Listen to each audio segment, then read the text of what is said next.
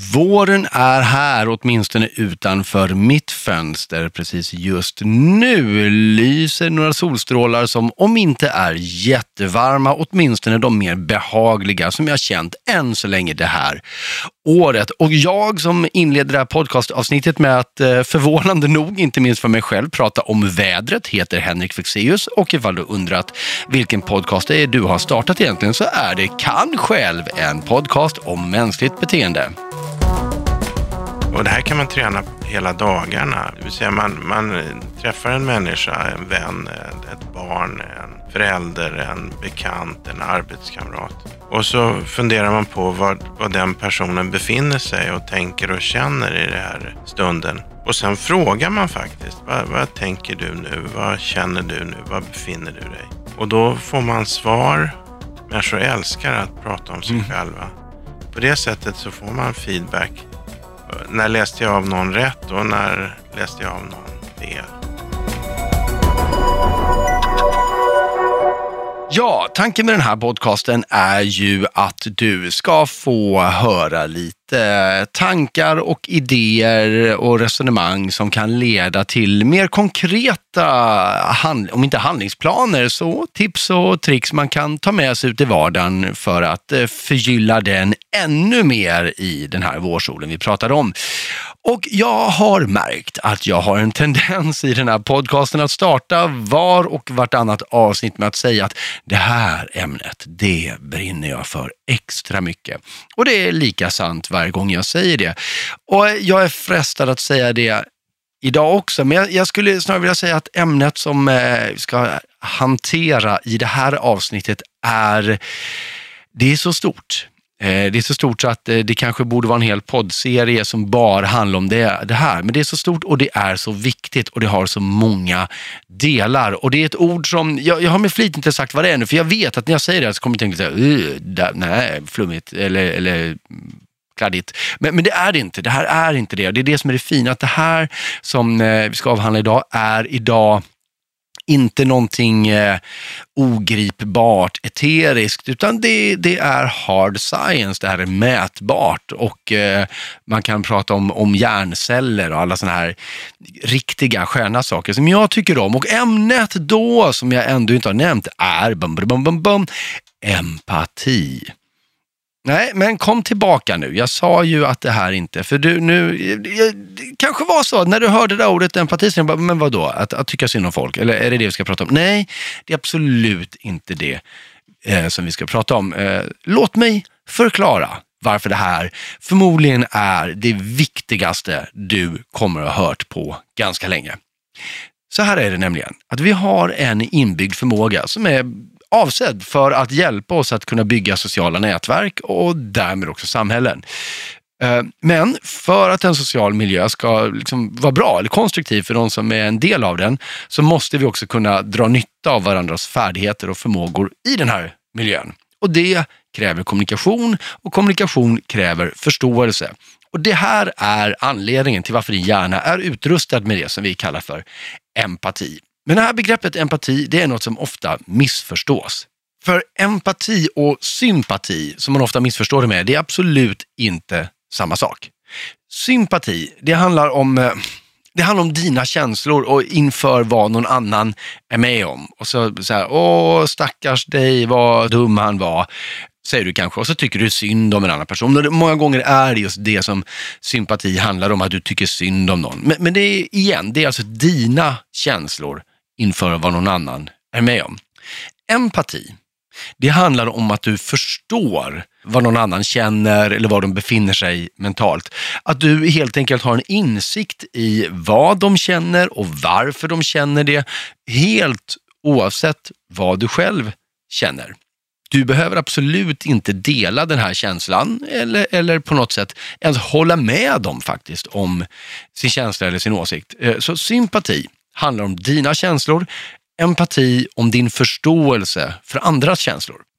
Och eftersom det just handlar om känslor så aktiveras vår empati i en gammal del av hjärnan som heter amygdalan i den del som heter hippocampus. Det är en väldigt gammal del av hjärnan och det är också ditt känslocentrum.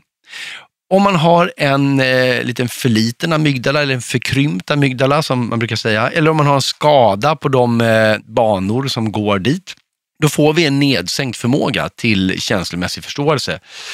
Vilket är en av de saker som anses ligga bakom psykopatiskt beteende. Så när det gäller psykopati, då pratar man idag om en skala där man har välfungerande personer i arbetslivet på ena änden och så har man American Psycho på den andra. Och graden på hur mycket psykopat man är, den styrs alltså av hur välfungerande eller inte amygdalan och därmed empatin är.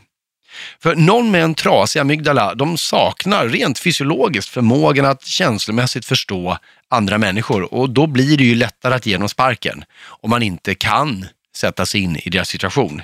Eller det blir också lättare att som Hannibal Lecter äta upp dem. Men nu, nu var det inte psykopater det här avsnittet skulle handla om, utan dess motsats kanske, empater.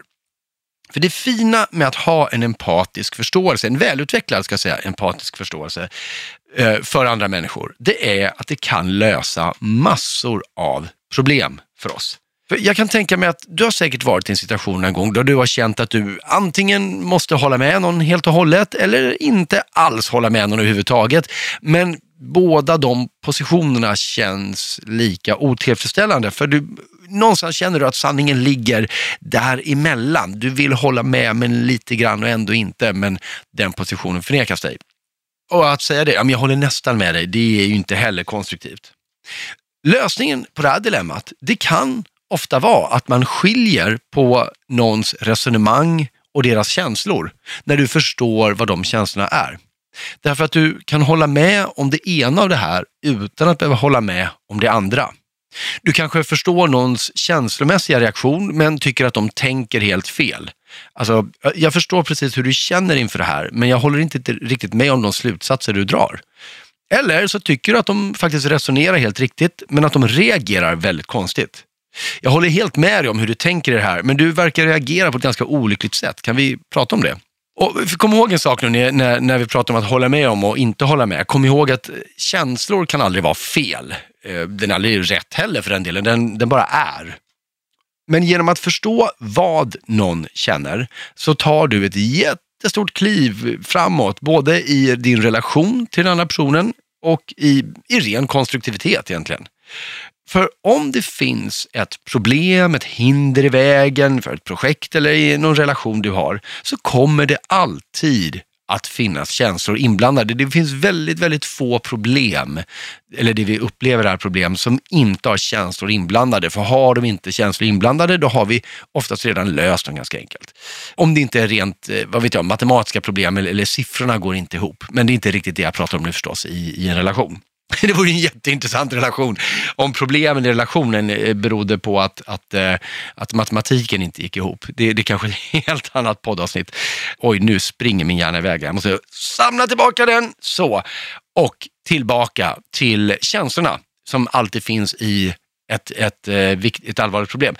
Och de känslorna, de måste alltid hanteras först. Innan man kan börja resonera rationellt så måste man lösa upp känslorna som är inblandade. Och det första steget för att lösa problem, det är alltså just både att förstå vilka de här känslorna är, på riktigt förstå dem och också bekräfta dem. Att eh, ja, jag märker att du har de här känslorna nu i det här. För att om inte det kommer upp på bordet, då kommer ni inte vidare. Så empati, det är alltså inte bara ett socialt kitt, även om det är en jätteviktig funktion, men det har också en rent praktisk funktion. Och Empatisk förståelse, det krävs för effektiv problemlösning, det krävs för projektledning, eh, men det är också det du använder när du ska eh, vad vet jag, köpa en, en kaka och en kaffe till en kompis och väljer det du vet att den personen tycker om. Därför att du har lärt dig det. Du, du vet, det här tycker den här människan är gott, det här tycker den här människan är äckligt. Det är också en väldigt enkel form av vardagsempati. Ibland behöver det inte vara svårare.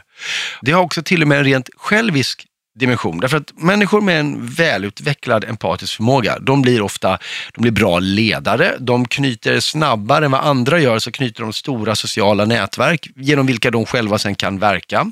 Och det här bara tack vare att de på allvar ser och förstår andra människor, var de befinner sig och hur de bör hanteras för att den aktuella situationen ska bli så bra som möjligt för alla som är i den igen, jag vill trycka på det här att empati och sympati är två olika saker som ibland följs åt, men inte alltid. Eh, som någon sa i en film jag såg nyligen, väldigt bra, jag kommer inte ihåg vem det var, vilken, inte vilken film det var, men personen sa så här, you have my empathy, not my sympathy.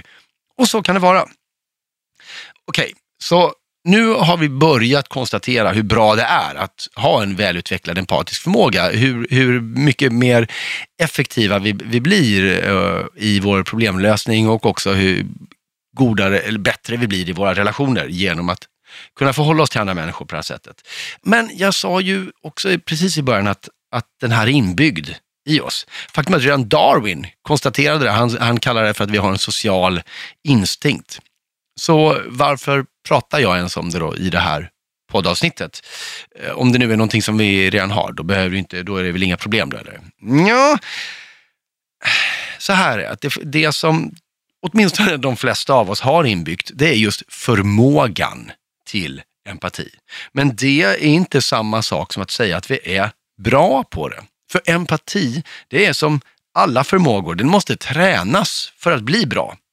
Jag menar, du har ju inbyggt i din kropp både förmågan att skjuta i prick, springa ett maraton, rita en cykel i detalj och lyfta 70 kilo. Men om den förmågan inte tränas så kommer du inte kunna göra något av de sakerna bra.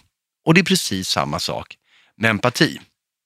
Problemet just nu det är att vi kanske inte nödvändigtvis ger oss själva den empatiska träning som vi behöver. Och jag ser två möjliga anledningar till det här. Dels så lever vi i en väldigt individualistisk kultur där fokus sätts på oss själva. Vi ska utveckla oss själva, hitta oss själva. Det är den ensamma hjälten och sen så tittar vi på Netflix själva i vår telefon. Vi har helt enkelt glömt bort att vi är menade att sitta ihop med andra. Så vi prioriterar inte att göra det. Och vi lever i en värld som inte påminner oss om att vi borde göra det heller. Och, och, bara så att jag är tydlig nu, att eh, bingea en hel säsong av Westworld i soffan tillsammans med den man bor med eller, eller vill bo med, det är inte riktigt att göra någonting ihop. Det är att göra någonting bredvid varandra. Och ibland kan det vara helt okej. Okay. Men när det gäller empati så är det inte gott nog. För empati behöver social närvaro med fokus. Till och med en sån sak som huruvida du har ögonkontakt med den du pratar med kommer att påverka hur väl du lyckas förstå den andra personen empatiskt. Och när såg du någon i ögonen en längre stund senast? Allvarligt talat. Och dessutom så kräver empati en smula tid. Det finns nämligen forskning som visar att den process i hjärnan som krävs för att vi ska få en djupare förståelse eh, för någon annan, den processen kräver tid. Poletten har helt enkelt en rätt komplicerad väg att gå i hjärnan för att trilla ner helt.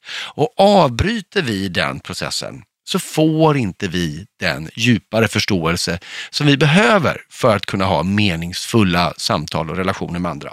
Och tyvärr så har vi blivit experter på att göra det här, på att avbryta den här processen. För varje gång som du försöker lyssna på någon men också ser i ögonvrån att du fått ett nytt mail eller känner hur det vibrerar i fickan av en ny notification från Instagram eller YouTube, då avbryter din hjärna arbetet med att skapa förståelse.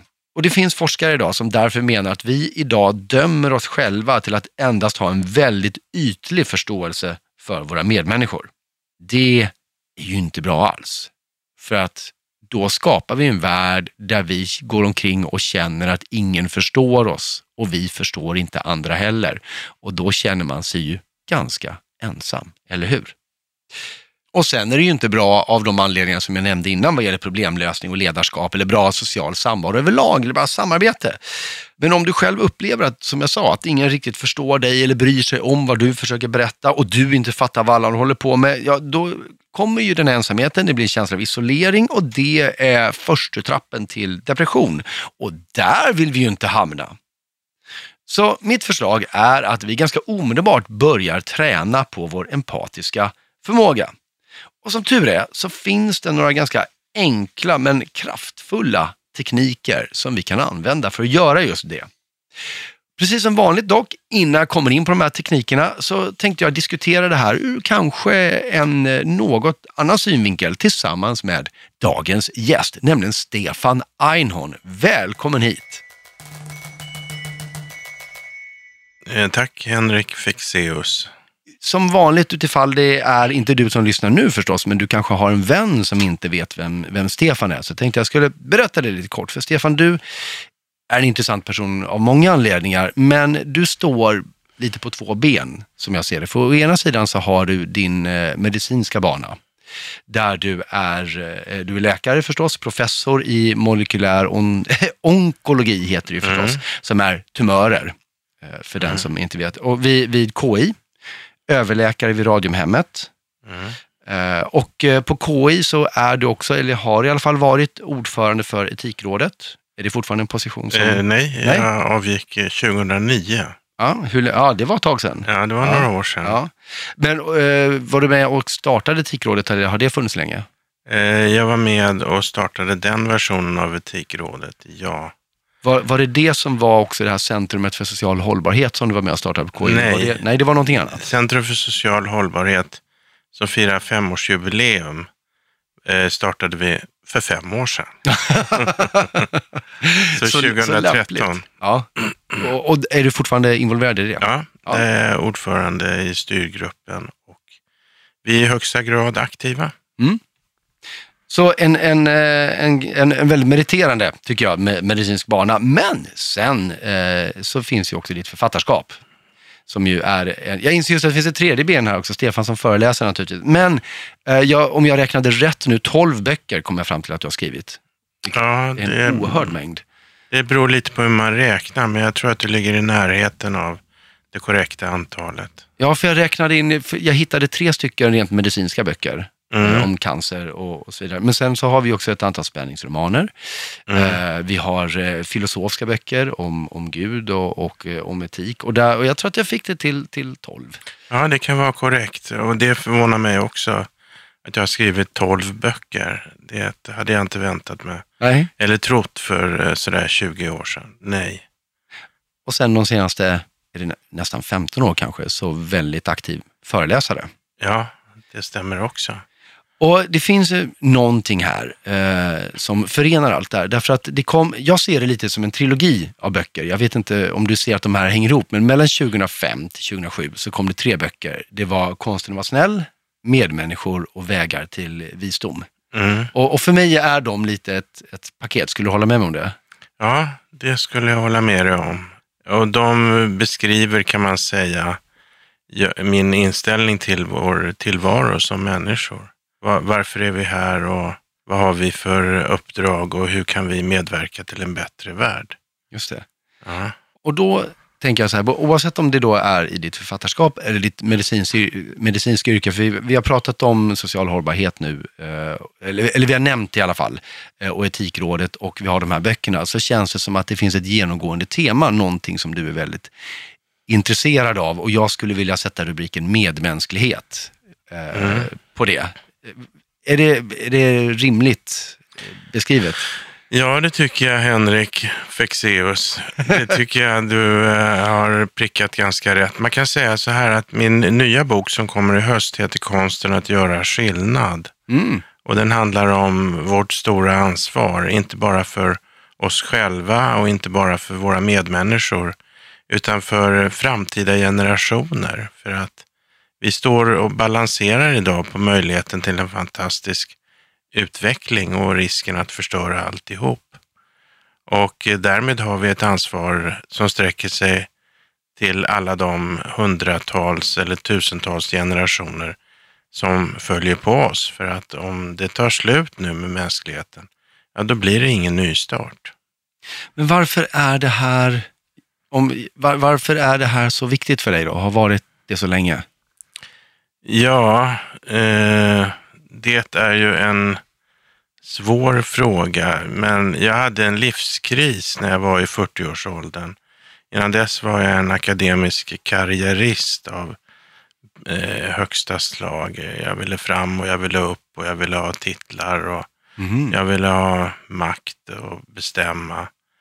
Och sen hamnade jag i den här livskrisen och då fick jag privilegiet att ställa mig frågorna varför håller jag på med det här och vad är viktigt och eh, vad skulle jag vilja ägna mina eh, resterande år åt? Och då kom jag fram till att eh, någonting som kändes viktigare än att vara cancerforskare, nämligen att skriva böcker och föreläsa om medmänsklighet och mänskliga relationer och det ansvar vi har för varandra. Och det är ju ett så väldigt, väldigt viktigt ämne för att godhet och visdom kommer att eh, avgöra huruvida resan in i framtiden kommer att bli en positiv sådan eller ej. Så jag försöker lämna mitt lilla bidrag till att sprida det här budskapet. Godhet och visdom kommer, eller sa du visdom eller vishet? Jag ja man kan säga vilket ja, som. Jag de brukar säga visdom. Ja. Du säger att de kommer att avgöra. Var, varför kommer det vara avgörande? Ja, för att i en värld utan visdom överlever ingen. För att har vi inte politiker och beslutsfattare och en befolkning som är kapabel att eh, vara eftertänksamma, ödmjuka och fatta kloka beslut, då riskerar vi att eh, det går åt eh, pipan. Och det som är intressant med visdom, till skillnad från intelligens eh, eller smarthet, det är att eh, begreppet är direkt definitionsmässigt kopplat till godhet. Så man kan vara intelligent och elak, man kan vara smart och elak, men man kan inte vara vis och elak, utan i, i visdomsbegreppet ingår att man har ett gott hjärta och försöker vara medmänsklig. Eh, vad ingår mer i, i definitionen? Om det är en del av definitionen? Oj, det blir en lång föreläsning. det blir, men, man, läsa din bok kanske? Nej, det, det, det ingår bland annat eh, eh, att se saker och ting ur olika perspektiv. Det ingår att eh, försöka eh, kunna ändra sig. Det ingår att eh, försöka jobba med sina fördomar och vara medveten om att man har dem. Det innebär att man försöker vara prestigelös och hantera problem och situationer inte efter vad som gagnar en själv utan vad som är den bästa lösningen. Och så vidare. Att ha en eh, känsla för eh, vad, vilka konsekvenser en handling kan få ingår också definitionsmässigt. Men de saker du nämner just nu, eh, ja. och, och framförallt kanske förmågan att se, att se i flera perspektiv och också bli medveten om, om fördomar och undvika stereotypisering och generaliseringar. Eh, kanske också ändra sig som kommunikation. Men för mig hänger det väldigt mycket ihop med eh, förmågan till en empatisk förståelse. För den möjliggör att jag kan just hitta de olika perspektiven som inte mm. nödvändigtvis är mina egna från början. Skulle du, skulle du säga att, att vishet och, och empati hänger ihop på det sättet? Absolut. Eh, människokännedom är en viktig aspekt av visdom. För att om du inte förstår dig på hur människor tänker och känner, då saknar du förutsättningar att eh, behandla dem på ett optimalt sätt, på bästa möjliga sätt. Så att du har helt rätt. Du har slagit huvudet på spiken. Den berömda. Ja.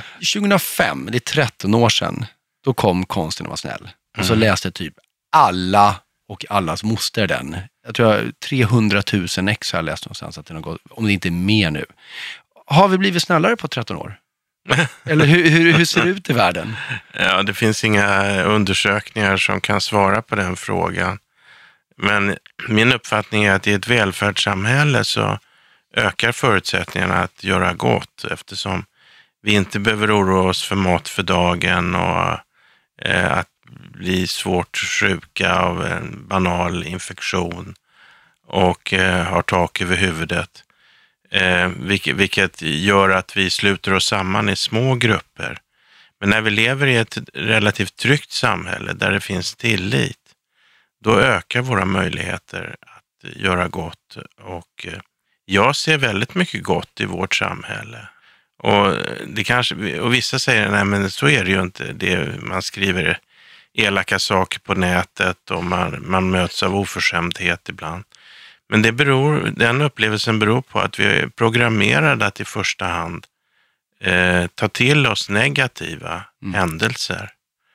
Så, och det har man visat i undersökningar. Man minns fyra gånger så många negativa händelser som positiva händelser.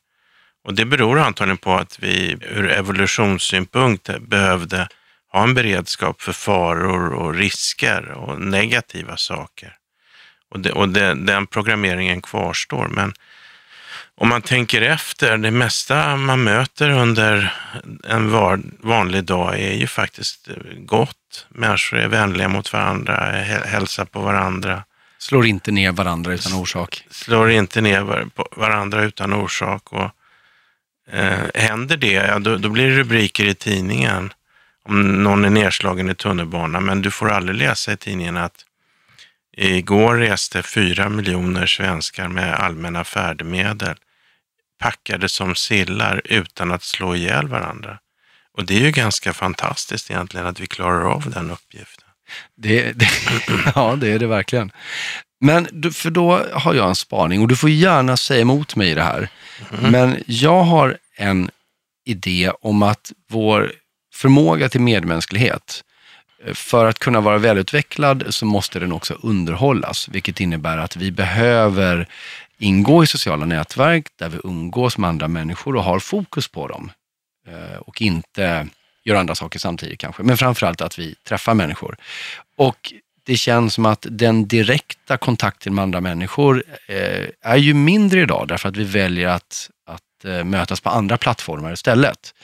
Eh, till exempel sociala medier och så vidare. Och vi uppmuntras att göra saker och ting på egen hand istället för att göra saker med varandra. Så och det, och det jag tänker då är att det skulle kunna leda till att vår medmänsklighet kanske försvåras eller, eller, eller försvagas. Men det är, skulle du inte hålla med mig om? Eller håller, jag, jag, nu känns det som att jag lägger ord i din mun, vilken otroligt Nej, det dålig... klarar du inte av Nej, det är bra. Va, men vad, vad, är din, vad är din eh, synpunkt på det? Jag säger så här att eh, eh, sociala medier är ju en kommunikationsmöjlighet. Så att man har idag större möjligheter att kommunicera med andra människor än tidigare och eh, man, ens kontaktyta mot omvärlden blir därmed större. Sen kan man fundera över eh, det här med att sitta och skriva framför en dator, eh, en chatt på en chatt eh, i jämförelse med att träffa någon. Mm. Men min erfarenhet av uh, ungdomar idag, bland annat från mina egna barn, det är att de träffar sina vänner och bekanta, men de umgås också via sociala medier. Så min känsla är inte din att människor isolerar sig mer, utan jag har en känsla av att det idag är, är lättare att få kontakt med andra människor än det var för 30 år sedan, 20 år sedan. Jag tänkte på, på det här du sa tidigare om, om att vi behöver eh, vishet och godhet. Eh, men vi klarar vi oss inte ändå då egentligen? Jag måste ju inte liksom ha en skön relation med, med killen på Coop för att ändå kunna gå och köpa min mjölk, eller? Det behöver du absolut inte ha, men det finns så många fördelar med godhet. Eh, man har ju bland annat visat att när vi gör en god gärning så aktiveras ett njutningscentrum i hjärnan, vilket bevisar att vi faktiskt njuter av att göra goda gärningar. Det är visat att människor som blir väl bemötta på arbetsplatsen presterar bättre. Eh, det är visat att om jag gör en god gärning för dig så ökar sannolikheten att du gör en god gärning för mig, men inte bara för mig, utan sannolikheten ökar att du gör en god gärning mot andra människor också. Vilket innebär att man har en spridningseffekt. Så att det finns så många fördelar för en själv, för att inte tala om ens omgivning. Så jag anser att det är ett nyckelbegrepp. Och sen eh, en annan aspekt som vi inte har berört än, det är ju eh, att man måste samtidigt kunna kontrollera sina mörka sidor, för alla har ju dåliga egenskaper. Mm.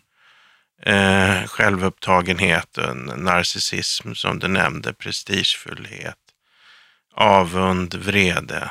Och de ställer ju också till det för oss. Så det är en annan uppgift eh, för oss att känna igen våra dåliga egenskaper Eh, och, för då har vi möjlighet att göra någonting åt dem. Annars blir vi hjälplösa offer för dem. Finns det något bra sätt att hitta dem då?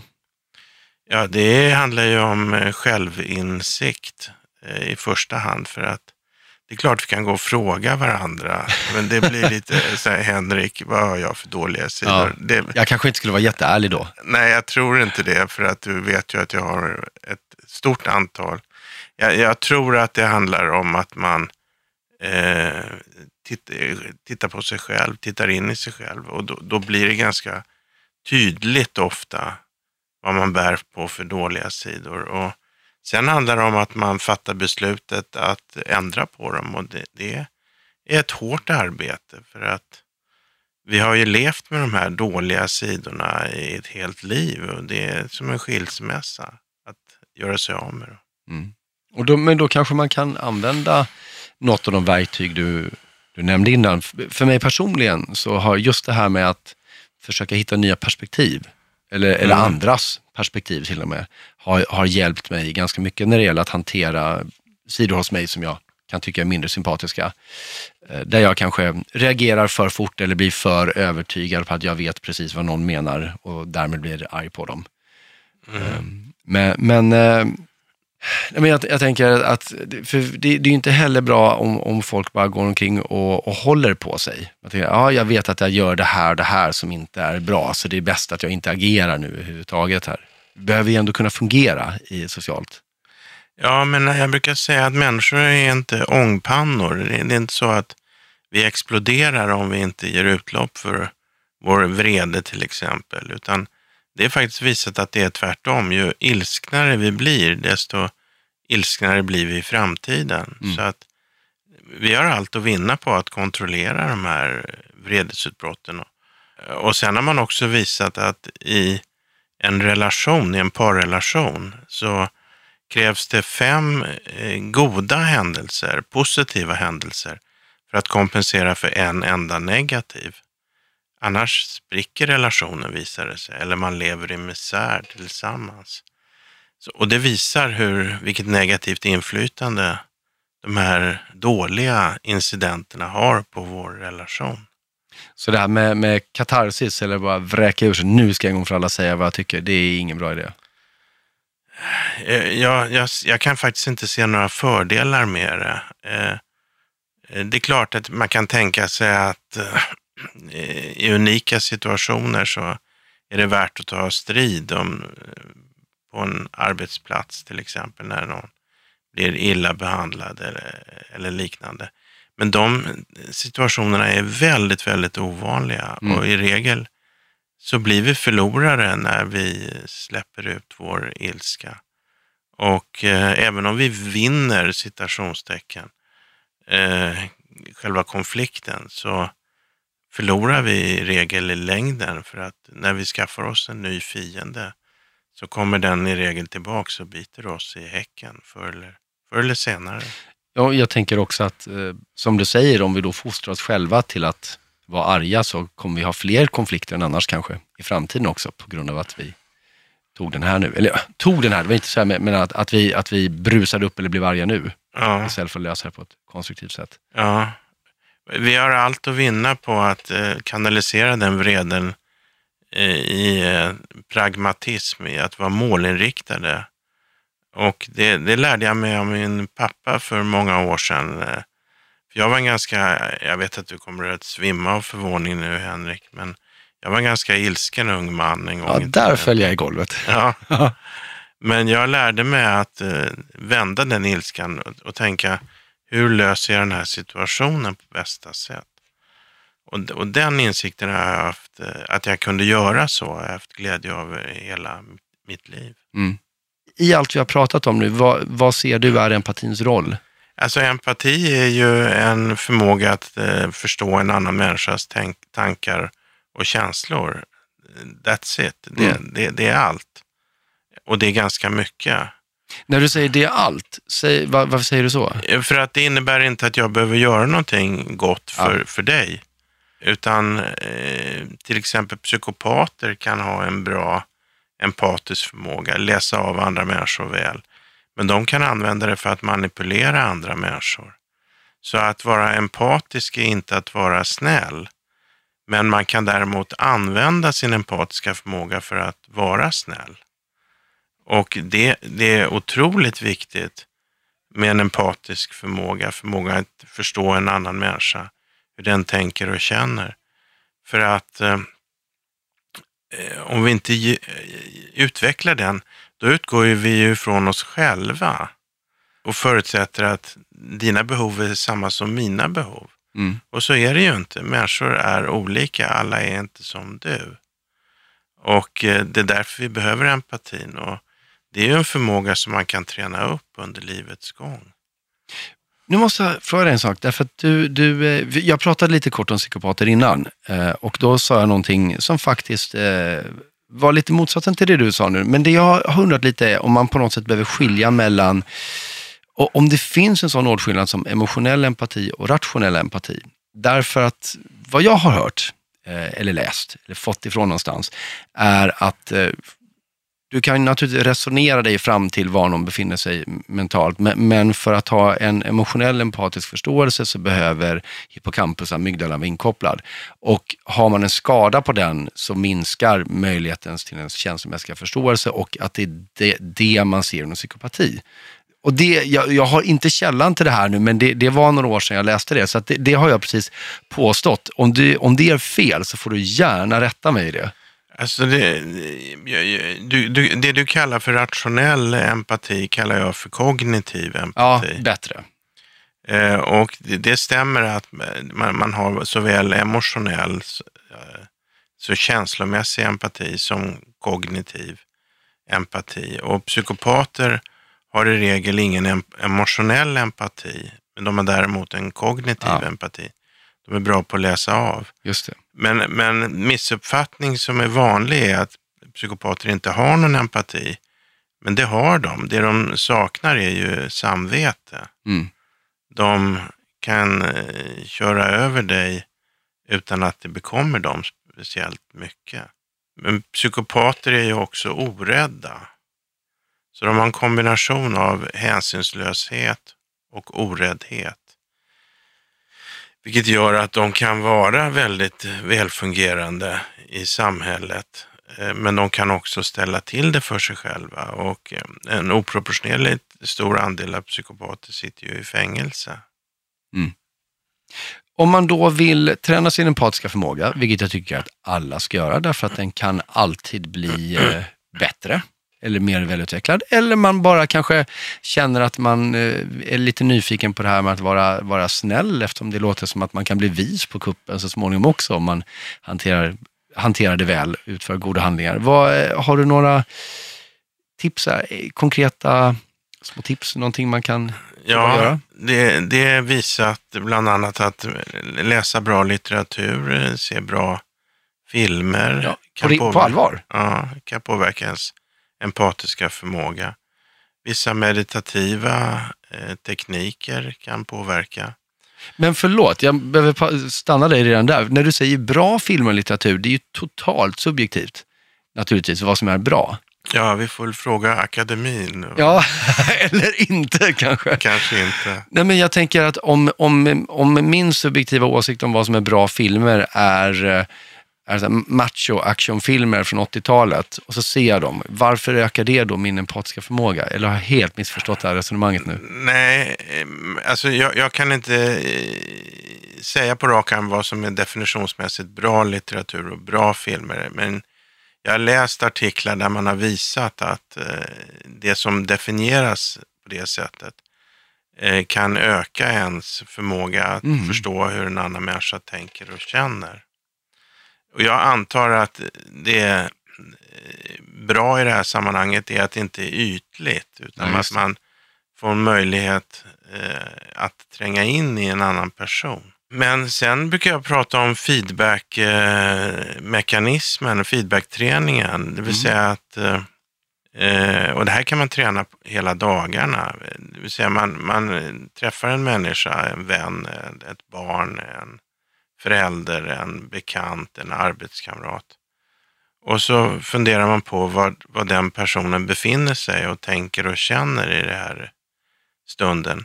Och sen frågar man faktiskt, vad, vad tänker du nu? Vad känner du nu? Var befinner du dig? Och då får man svar och eh, de flesta svarar för de människor älskar att prata om sig Mm. själva. Får man svar så kan man ta med det till nästa möte och till nästa möte och till nästa möte. Och på det sättet så får man feedback. När läste jag av någon rätt och när läste jag av någon fel? Just det. Och det här är ju eh, en teknik som jag som känner dig vet att du själv använder dig av väldigt ofta. Ja, det är riktigt. Det Och, gör och, och det är ju som du säger, att man, det, ingen, det finns väl ingen som inte blir glad av att få den frågan. Vad tänker du på? Var befinner dig? Hur är det med dig? Mm. Det, det är ju, eh, har, har du mött någon som har blivit besvärad när du har ställt den typ av frågor? Ja, det, hän, det har hänt, men allt mer sällan. För jag har lärt mig vad man får fråga och Mm. inte får fråga. Jag känner ofta av gränserna. Vad får man fråga då?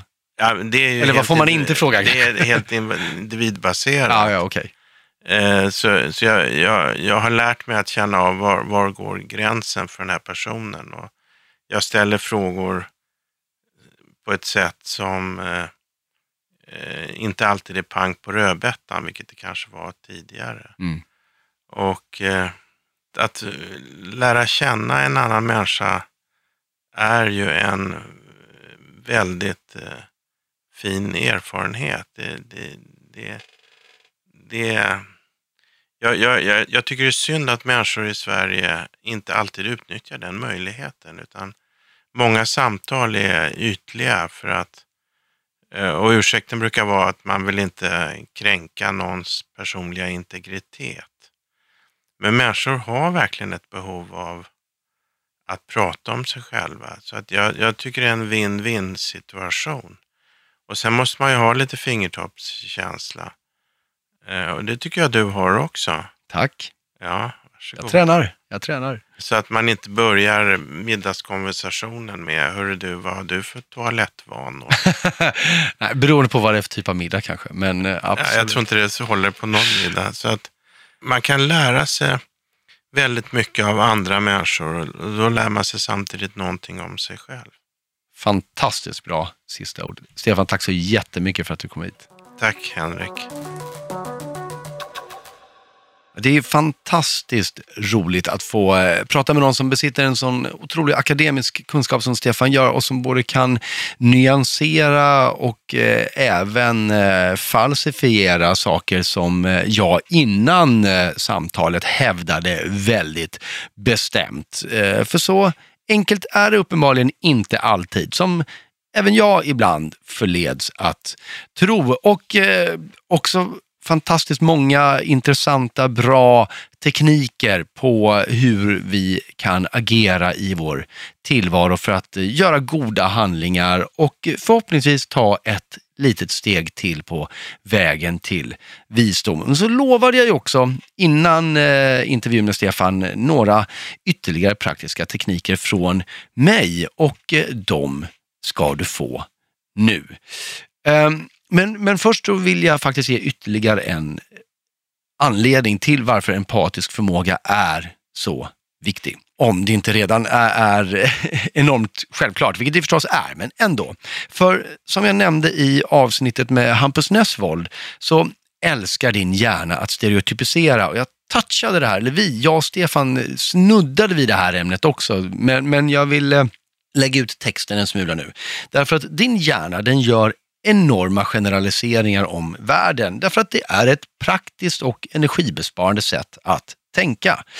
Om det verkar vara lite grått ute så sätter du på dig en tjockare tröja, därför att grått ute betyder oftast att det är kallare. Ibland är den generaliseringen inte sann och det är inte alls kallt bara för att det är grått ute. Det kanske är rök som kommer någonstans ifrån och då står du där i din varma tröja och, och svettas. Du gjorde ett felval. Men det är sant tillräckligt ofta för att din hjärna ska acceptera den här felmarginalen, att det ibland skiter sig. Det är okej med tanke på hur många gånger det blir rätt. Så på det här sättet så gör du hela tiden grova förenklingar av världen där du drar slutsatser utifrån omständigheter baserat på att det oftast är på ett visst sätt. Du bryr dig inte heller om nyansskillnader speciellt mycket. Jag menar, huruvida det är, det är tre eller fyra graders temperaturskillnad, det är inte så viktigt. Det viktiga är att det är kallt. Men som sagt, ibland misstar vi oss. Vi, vi hade kanske behövt bry oss om den där nyansskillnaden eller inte alls gjort en sån här kategorisering överhuvudtaget. Men det funkar oftast. Och, och för övrigt, hjärnan skulle kollapsa om den behövde ta hänsyn till alla detaljer i alla lägen. För det här, så det här är av nödvändighet. Problemet är att den här funktionen är så automatisk att den alltid är igång. Och det innebär att vi använder den utan att tänka på det även om människor. För det vi kallar för fördomar, stereotyper eller rasism, det är ingenting annat än grova generaliseringar och kategoriseringar av människor. Det var en grå morgon som var kall, så du räknar med att alla grå morgnar var kalla. Den generaliseringen är inte ett problem. Men du fick inte hjälp av Abeku från Gambia att flytta på printen på jobbet, så du misstänker nu att alla från Gambia är lata. Det är ett stort problem. Och det är här den empatiska förmågan är tänkt att kicka in för att upprätthålla en balans.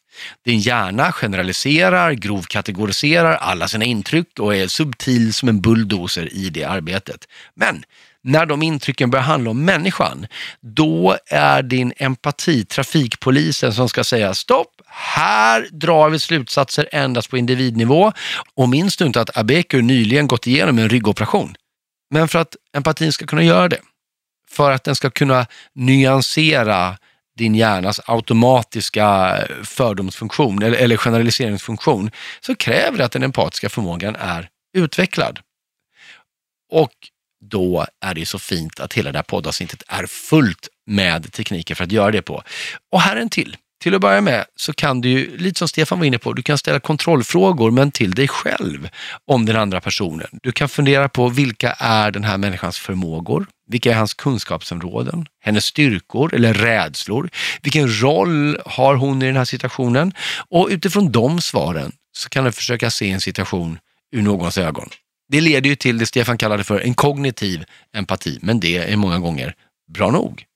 Det här gör också att du får en förståelse för att andras världar inte är som din egen. För vi tror gärna att den bild vi har av hur världen ser ut, den delas av alla.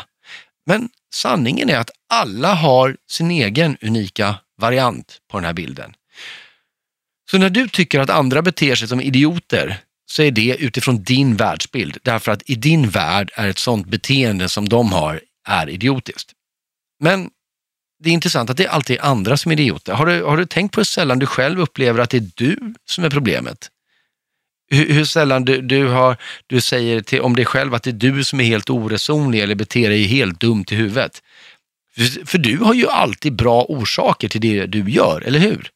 Utifrån din sanning om hur världen funkar. Och vet du vad? Chansen är att de andra också tycker att de har bra orsaker till det de gör. Det är bara det att deras värld ser lite annorlunda ut än vad din gör och därför kommer de till andra slutsatser.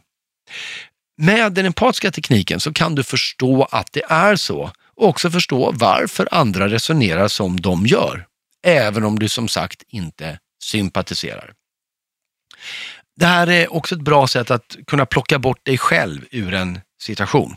Eftersom vi mest tänker på oss själva så har vi en tendens att tro att avsikten av att någonting händer, det är den effekt det får på oss. Någon gör något som gör mig ledsen och då tänker jag att hans avsikt var att göra mig ledsen. Eller någon gör något som gör mig arg och alltså menade hon att reta upp mig. Att avsikten kunde varit något annat, något som kanske inte ens hade med mig att göra, det är ibland väldigt, väldigt svårt att förstå. Men det blir lite enklare om du använder din empati till att fundera på den andra personen, hennes drivkrafter och hur hennes värld kanske ser ut och vad som är viktigt för henne i den. Faktum är att du behöver inte vara säker på att det du kommer fram till är rätt. Det fungerar ändå. I den här podcasten så har jag varje torsdag under mer än ett halvår gett en mängd av olika tips och tekniker för att förbättra tillvaron. Men för mig personligen så är kanske det allra viktigaste det som kommer nu. Så här. Normalt fungerar vi så att någonting händer och så reagerar vi känslomässigt på det, kanske negativt, och så gör vi en mothandling. I min bok Fingertoppskänsla skrev jag om det här och då tog jag ett med flit väldigt töntigt exempel som var att någon kastar en tårta i ansiktet på dig och så eh, tänker du vilken jävla idiot och så ger du honom en örfil för det är det man förtjänar om man är en idiot. Men det är bara det att det inte är riktigt så det fungerar. Egentligen fungerar det så här. Någonting händer, du gör en tolkning av den händelsen utifrån din förståelse av världen. Den förståelsen kommer i sin tur vara, vara färgad eller uppbyggd på eh, resonemang och slutsatser du har gjort, eh, din tidigare livserfarenhet, din uppfostran, din skolgång och så vidare. Men utifrån den tolkningen så reagerar du sen känslomässigt. Och, mm, så i fallet med tårtan är alltså handlingen är att någon kastar en tårta i ansiktet på dig. Det är en neutral handling. Men utifrån hur du ser på världen så tolkar du den här handlingen som att eh, den här personen är en idiot. Därför att i din värld så är det idioter som kastar tårtor och då reagerar du väldigt negativt på det. Men när man reagerar negativt känslomässigt så kan man fundera på om den tolkning man har gjort, för det är en tolkning, om det är den enda nödvändiga. Om man retar ihjäl sig på ett beteende som eh, ens partner har, därför att man tycker att eh, oh, han, eh, han bryr sig inte om mig, eh, han, han bryr sig inte om att jag städar och han är så självisk, bara slänger strumporna på golvet hela tiden. Ja, tolkningen här nu är att han är självisk och inte bryr sig om dig. Handlingen är att han slänger strumporna på golvet. Och man kan då ställa sig frågan, kan det finnas en annan tolkning av det här beteendet som inte är förenligt med det negativa som jag just nu tänker. Kan det finnas en annan anledning till att någon kastar en tårta i ansiktet på mig utan att den här personen är en idiot? Ja, det finns det ju. Det skulle kunna vara så att han har hört att jag gillar practical jokes och tror att jag faktiskt uppskattar det här. Han kanske var på väg att bära tårtan åt något annat håll och, eh, och snubblade. Det finns faktiskt fler anledningar än att orsaken är att han är en idiot. Och Det fina är att man behöver inte hitta den anledning som man tror att det var egentligen. Man behöver bara hitta ett antal andra rimliga förklaringar till att inse att det jag är så övertygad nu om och som har gjort mig förbannad, det är ju inte nödvändigtvis sant. Det är en tolkning. Och då är jag fri, eftersom jag inte vet om den är sann, så är den lika sann eller inte som alla de här andra tolkningarna om varför jag kanske fick en tårta i ansiktet.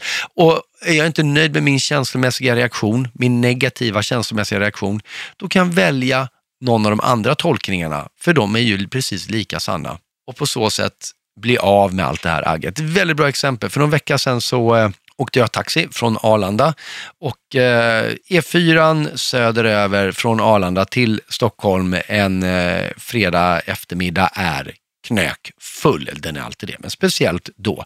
Så vi ligger i vänsterfil eh, och det är fullt med bilar i båda körfälten och det står i princip stilla. Två bilar längre framför oss så finns en till taxibil. Framför honom finns det en vit skåpbil. Och den här taxibilen framför oss, han gör allt för att komma om den här vita skåpbilen. Han gör så livsfarliga om, eh, omkörningsförsök, vilket är helt värdelöst. Därför att i högerfil så är det fullt där också. Det är fullt överallt. Han kommer ingenstans. Även om man skulle kunna komma om den här bilen skulle han inte komma någonstans. Min taxichaufför blir mer och mer upprörd å sin kollegas vägnar och, och tycker att eh, sådär kör man inte, han har dessutom en kund i bilen, det där är oansvarigt eh, och han blir arg. Jag vill ju inte ha en arg taxichaufför, för en arg taxichaufför är full med adrenalin och jag vet inte om det gör honom till en bättre bilförare.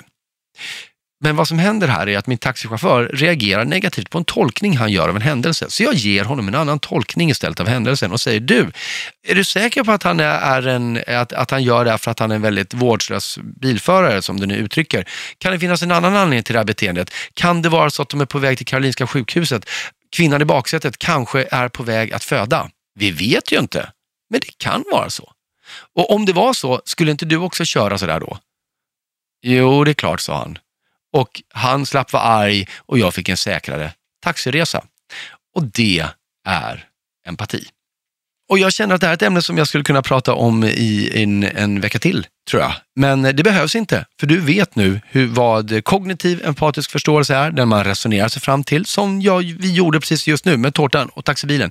Du vet också vad känslomässig empatisk betydelse är och vad det betyder. Du vet också att det inte är sympati och du har förhoppningsvis fått en mängd olika sätt som du kan använda det här på i veckan som kommer. Till exempel följa Stefans råd med feedback genom att eh, fundera på var du tror att andra befinner sig mentalt mentalt, hur de mår, vad de funderar på och sen också fråga dem för att se hur nära du var eller inte och på så vis kalibrera försiktigt din empatiska förståelse så att den blir ännu bättre ända fram till att vi hörs igen om en vecka. Det här var Henrik Fexeus och Kan själv. Tack för att du lyssnade.